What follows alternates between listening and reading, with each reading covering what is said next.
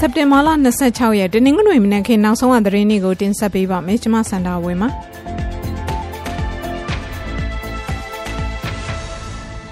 မြန်မာနိုင်ငံမှာစစ်တပ်ကအာဏာသိမ်းပြီးနောက်ပိုင်းစကိုင်းတိုင်းအတွင်းကကဏီရင်းမာပင်နဲ့မင်းကင်းဘက်မှာ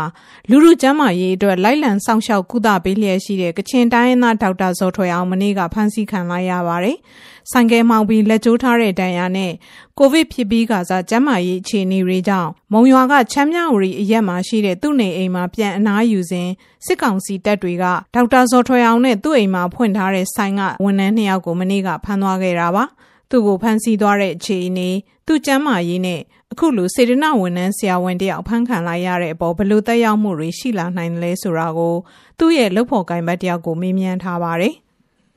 ဒေါက်တာဇော်ထွေအောင်ကဒီကျွန်တော်တို့ချင်းတွင်း Medical Network ကဥဆောင်တဲ့ဆရာဝန်တယောက်ပေါ့နော်သူကမနေ့က25ရက်နေ့နေ့လယ်တနာရီမှာသူ့အိမ်ကိုကျမ်းမာရေးအရာခက်တပြန်နေတော့မှဒီစစ်ကောင်စီဘက်ကကားသုံးစီးနဲ့လာပြီးတော့ဖမ်းသွားတယ် အဲ့ဒီသူ့ကိုလာဖမ်းတဲ့အချိန်ကတော့သူ့ဆိုင်ကဝန်ထမ်း2ယောက်နဲ့သူနဲ့3ယောက်ဖမ်းသွားတယ်လို့တော့သိရတယ်တခြားပစ္စည်းပစ္စည်းတွေဘာတွေပါသွားတယ်ဆိုတာကတော့မသိရဆိုတော့သူကဒီလောက်အခုလက်တလုံးမှာဖမ်းဆီးတွေဒီလောက်များနေတဲ့အချိန်မှာသူကဘာဖြစ်လို့အိမ်ပြန်နေတာလဲရှင် သူက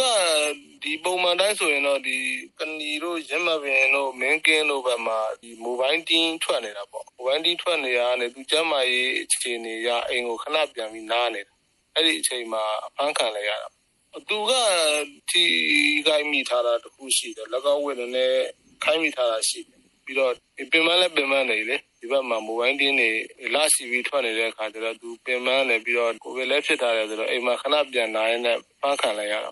ဆိုတော့သူ့ကိုဖမ်းတဲ့အချိန်မှာကောအဲ့လိုရိုက်နှက်တာတွေနှိပ်စက်တာတွေရှိသလားဘယ်လိုပုံစံနဲ့ဖမ်းသွားတယ်လို့တွေ့ရတဲ့လူတွေကပြောလဲရှင်ရိုက်နှက်တာတနက်နဲ့ပြစ်တယ်ရေလို့တော့ကျွန်တော်တို့မကြားပါဘူးဒီတိုင်းပဲကားသုံးစီးနဲ့လာပြီးတော့ဖမ်းဆီးခေါ်ဆောင်သွားတယ် သူကတော့ဆရာနာသိမ့်ပြီးနောက်ပိုင်းကလေးကရင်းမပင်ဒေသမှာရှိတဲ့ဒီလူလူတို့ရဲ့ကျန်းမာရေးဆောင်ရှောက်မှုတွေကိုလူမျိုးရေးဘာသာမျိုးကိုကြီးဆောင်ရှောက်ပေးနေတော့ပြောလို့တော့မရဘူးပြစ်တာကတော့သူတို့တက်ရှင်ရတက်မှာပဲစစ်ကောင်စီဘက်ကလှုပ်ရှင်ရလှုပ်နေတဲ့လူတွေပဲအဲ့ဒီကျတော့ပုံမှန်တွေကတော့သူတို့တက်ရှင်ရတက်မှာခုလိုချိန်မှာသူ့ကိုဖမ်းခံလိုက်ရတယ်ဆိုတော့ဒေသခံလူထုအတွက်ကိုရောဘလို့တက်ရောက်မှုတွေရှိသလဲကျန်တဲ့ mobile ကုသရေး team အတွက်ကောဘလို့ထိခိုက်မှုတွေရှိလဲရှင် ဟောဒါတော့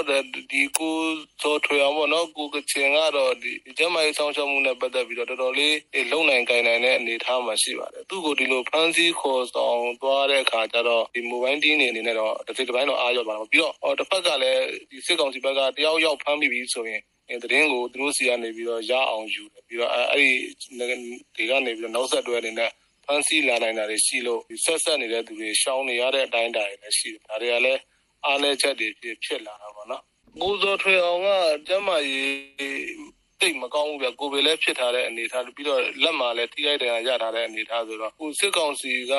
စစ်ကြောရေးကိုခေါ်ဆောင်သွားတယ်လို့လည်းကြားရတယ်ပေါ့နော်အဲ့ဒီအခြေအနေတွေကဖန်စီခေါ်ဆောင်ခံရတဲ့ကိုဇော်ထွေအောင်အတွက်တော့တိတ်ပြီးတော့ကောင်းတဲ့အနေအထားတွေမဟုတ်ဘူးစစ်ကောင်စီဘက်ကလည်းဒီလိုလူတယောက်ကိုဖမ်းဆီးတယ်ဆိုရင်သူတို့ဘက်ကလည်းမတရားရိုက်နှက် တာတွေရှိတယ်မထင်မထင်လို့တက်ပစ်တာတွေရှိတယ်အဲ့ဒီအတွက်တော့ကျွန်တော်တို့တငယ်ချင်းအတွက်တော့အများကြီးစိုးရိမ်မိတယ်စိတ်ပူမိပါတယ်ပြည်တွင်းသတင်းတွေဆက်ရရင်ကယားပြည်နယ်ဒီမော့ဆိုမြို့နယ်အနောက်ဘက်ခြမ်းမှာရှိတဲ့ဒေါငန်ခါကျေးရွာအနီးမှာ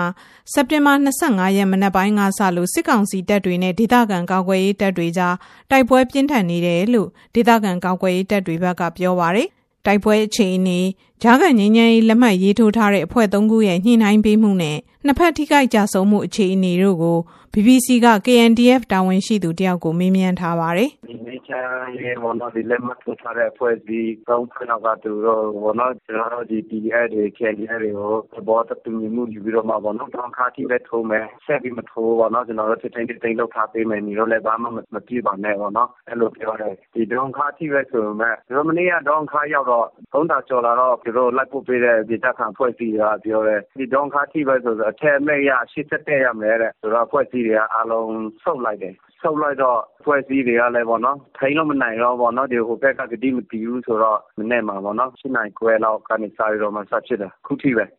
အပြည့်ရဖို့ ညှိနှိုင်းထားတဲ့ အခြေအနေတခုမှာ ဘာကြောင့် တိုက်ပွဲတွေ ဖြစ်လာရတာလဲလို့မင်းမြန်းကြည့်ရမှာ သူက အခုလို ရှင်းပြပါဗျ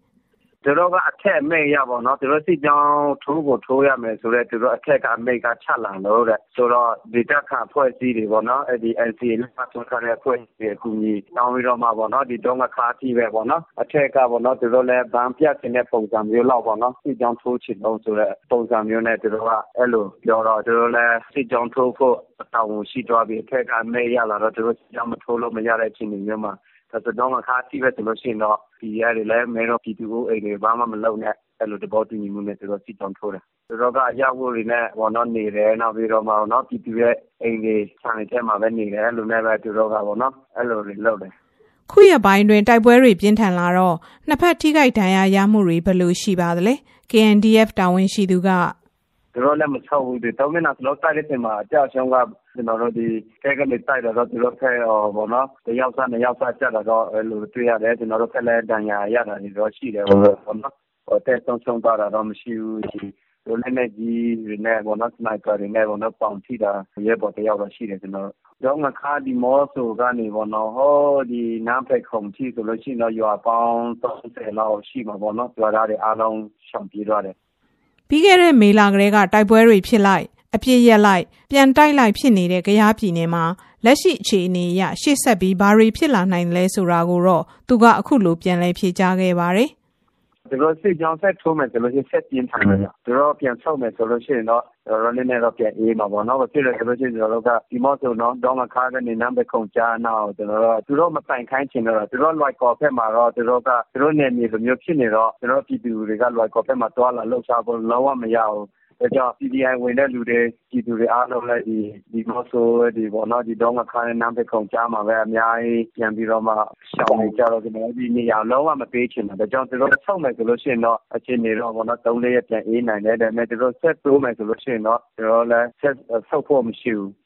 တခါ ကချင်ပြည်နယ်နဲ့စကိုင်းတိုင်းအဆက်နာကပင်လယ်ဘူးမြို့နယ်အတွင်းမှာ KIA PDF ပူးပေါင်းအဖွဲ့နဲ့စစ်ကောင်စီတပ်ဖွဲ့တို့တိုက်ပွဲနှစ်ရက်ဖြစ်ပွားပြီးစစ်ကောင်စီဘက်ကအကြအဆုံးများက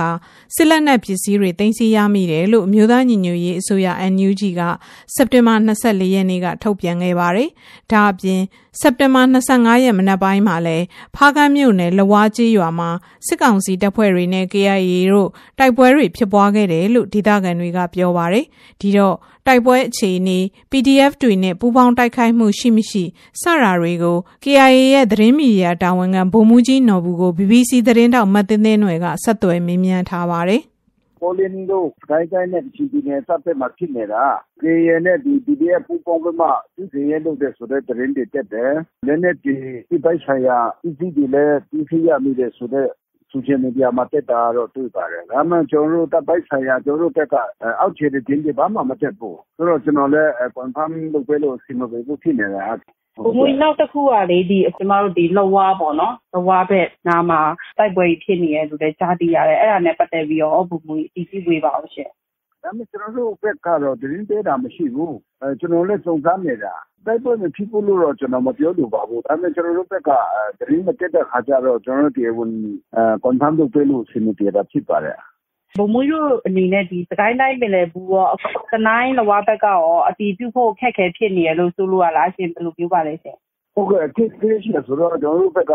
သတင်းမတက်တဲ့ခါကျတော့ကျွန်တော်တို့မတက်နိုင်ဘူးဒီကချင်ပြည်နယ်အတွင်းမှာရှိတဲ့ PDF တွေနဲ့ပတ်သက်ပြီးတော့ဘုံမီရိုရိုကြည့်ကြက်ပြီးတော့အလူတွားနေသေးတာဘလို့အခြေအနေမျိုးရှိပါလဲရှင်မူဝါဒအရာတွေရောဟုတ်ကဲ့အခုလည်းဒီတိုင်းပဲဖြစ်ပါတယ်ကျွန်တော်မူဝါဒလည်းကျွန်တော်တို့ခေရ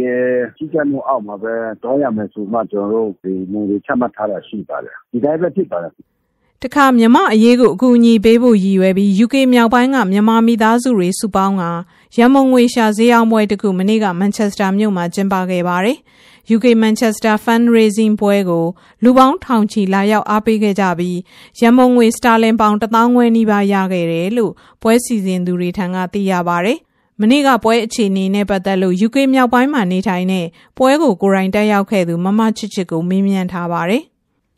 ချီတက်ပွဲတွေကတော့ပတ်တိုင်းလောက်နေနေဖြစ်တယ်။လန်ဒန်လည်းအများကြီးလုပ်နေတဲ့အတွက်ကြောင့်မလို့မန်ချက်စတာလူတွေကလည်းအကုန်လုံးအာဂျူမန်တန်နဲ့တခုခုလောက်ကြမယ်ဆိုပြီးတော့တိုင်ပင်ပြီးတော့အခုလုပ်ဖြစ်သွားတာပါ။အဲ့ဒါ main aim ကတော့ NUG နဲ့ PDF ကို support လုပ်ဖို့ပါ။ဒီနေ့ကတော့ဈေးရောက်ပွဲတက်တက်ပဲပတ်စံကို fundraising လုပ်လိုက်တာပါ။တော်တော်များများလှူနိုင်အောင်လို့ရည်ရွယ်ပြီးတော့အစားတောက်များများစုံစုံလင်းလင်းနဲ့ချက်ပြုတ်တဲ့မြက်ကောအရင်ရောအရင်ကိုလုံးဝမယူဘဲနဲ့အားလုံးကအကုန်လုံးလှူတဲ့အတွက်ကြောင့်လာတဲ့လူတွေကလည်းလာရောက်ဝယ်ပြီးတော့စားသုံးပေးကြပါတယ်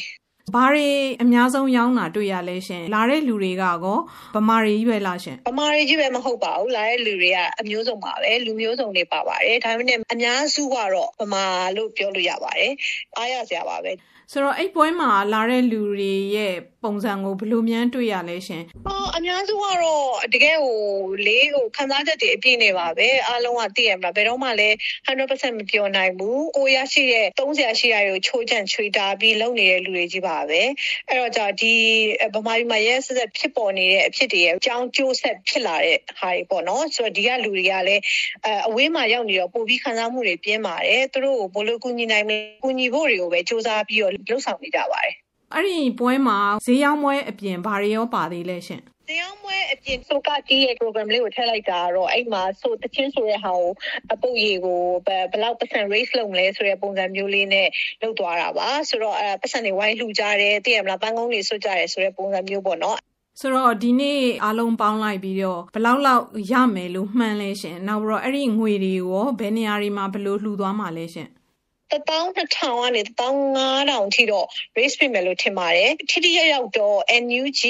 NUG နဲ့ PDF ကိုလူဖို့ပဲအားလုံးကြီးဝဲထားကြပါတယ်အလားတူလက်တလောချင်းပြည်နယ်မှာစစ်ကောင်စီတပ်တွေဝင်ရောက်စီးနင်းမှုဖြစ်ပွားခဲ့ပြီးတဲ့နောက်ရွာရီမီးလောင်အရက်သားပြည်သူတွေအသက်ဆုံးရှုံးနေရချိန်မှာစစ်ဆောင်ပြည်သူတွေကိုကူညီဖို့ရည်ရွယ်ပြီးတိုကျိုမြို့ကလူစီကားရဘူတာတွေမှာအလှငွေကောက်ခံမှုပြုလုပ်ခဲ့ကြပါတယ် ဂျပန်နိုင်ငံမှာ မြန်မာ Global Support Foundation နဲ့ Chin Community of Japan တို့ရဲ့ ရန်ပုံငွေရှာဖွေပွဲမှာ မနေ့ကရန်9,300ကျော် ကောက်ခံရရှိတယ်လို့ ထုတ်ပြန်ထားပါတယ်။ဒီနေ့မှာလည်း ချင်းပြည်နယ်ရောက် စစ်ဆောင်တွေကို ကူညီဖို့ ထပ်ပြီး အလှူခံထွက်ဖို့ ရှိတယ်လို့လည်း သိရပါတယ်။နိုင်ငံတကာ သတင်းတွေဘက်မှာတော့ ဂျာမနီမှာ ဒီနေ့ကျင်းပမဲ့ရွေးကောက်ပွဲအတွက် နောက်ဆုံးအကြိမ် အပြိုင်မဲဆွယ်ပွဲတွေ ကျင်းပခဲ့ပါတယ်။လက်ရှိဝန်ကြီးချုပ်အန်ဂလာမာကယ်ကသူ့ကို ဆက်ခံမဲ့သူအာမင်လာရှက်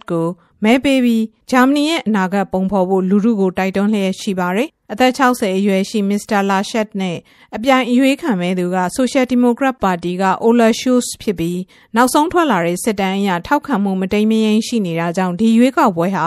အခုနှစ်ပိုင်းတွေအတွင်းကြိုမှန်းရခက်တဲ့ရွေးကောက်ပွဲတစ်ခုဖြစ်ပါတယ်။ဝင်းကြီးချုပ်အန်ဂလာမာကယ်ဟာ16နှစ်ကြာတာဝန်ထမ်းဆောင်ခဲ့ပြီးတဲ့နောက်အနားယူတော့မှာဖြစ်ပေမဲ့သူ့ပါတီကဝင်ပြိုင်မဲ့ဥက္ကဋ္ဌမစ္စတာလာရှက်ကိုလူကြိုက်မများဖြစ်နေတဲ့အတွက်အခုလိုမဲဆွယ်ပွဲနောက်ဆုံးအချိန်မှာထွက်လာပြီးပါဝင်ကူညီနေရတာဖြစ်ပါတယ်။မနေ့ကကျင်းပခဲ့တဲ့ပရီးမီးယားလိဘောလုံးပွဲတွေမှာမန်စီးတီးကချယ်ဆီကိုတကိုးကိုမရှိနဲ့နိုင်ပေမဲ့မန်ယူကတော့အက်စတန်ဗီလာကိုတကိုးကိုမရှိနဲ့ရှုံးနိုင်ခဲ့ပါတယ်။လီဗာပူးနဲ့ဘရန်ဖို့တို့ကန်ရမှာ3ဂိုးစီတရေဖြစ်ခဲ့ပြီးလက်စတာနဲ့ဘန်လီတို့ပွဲမှာလည်း2ဂိုးစီတရေကျခဲ့ပါတယ်ရှင်။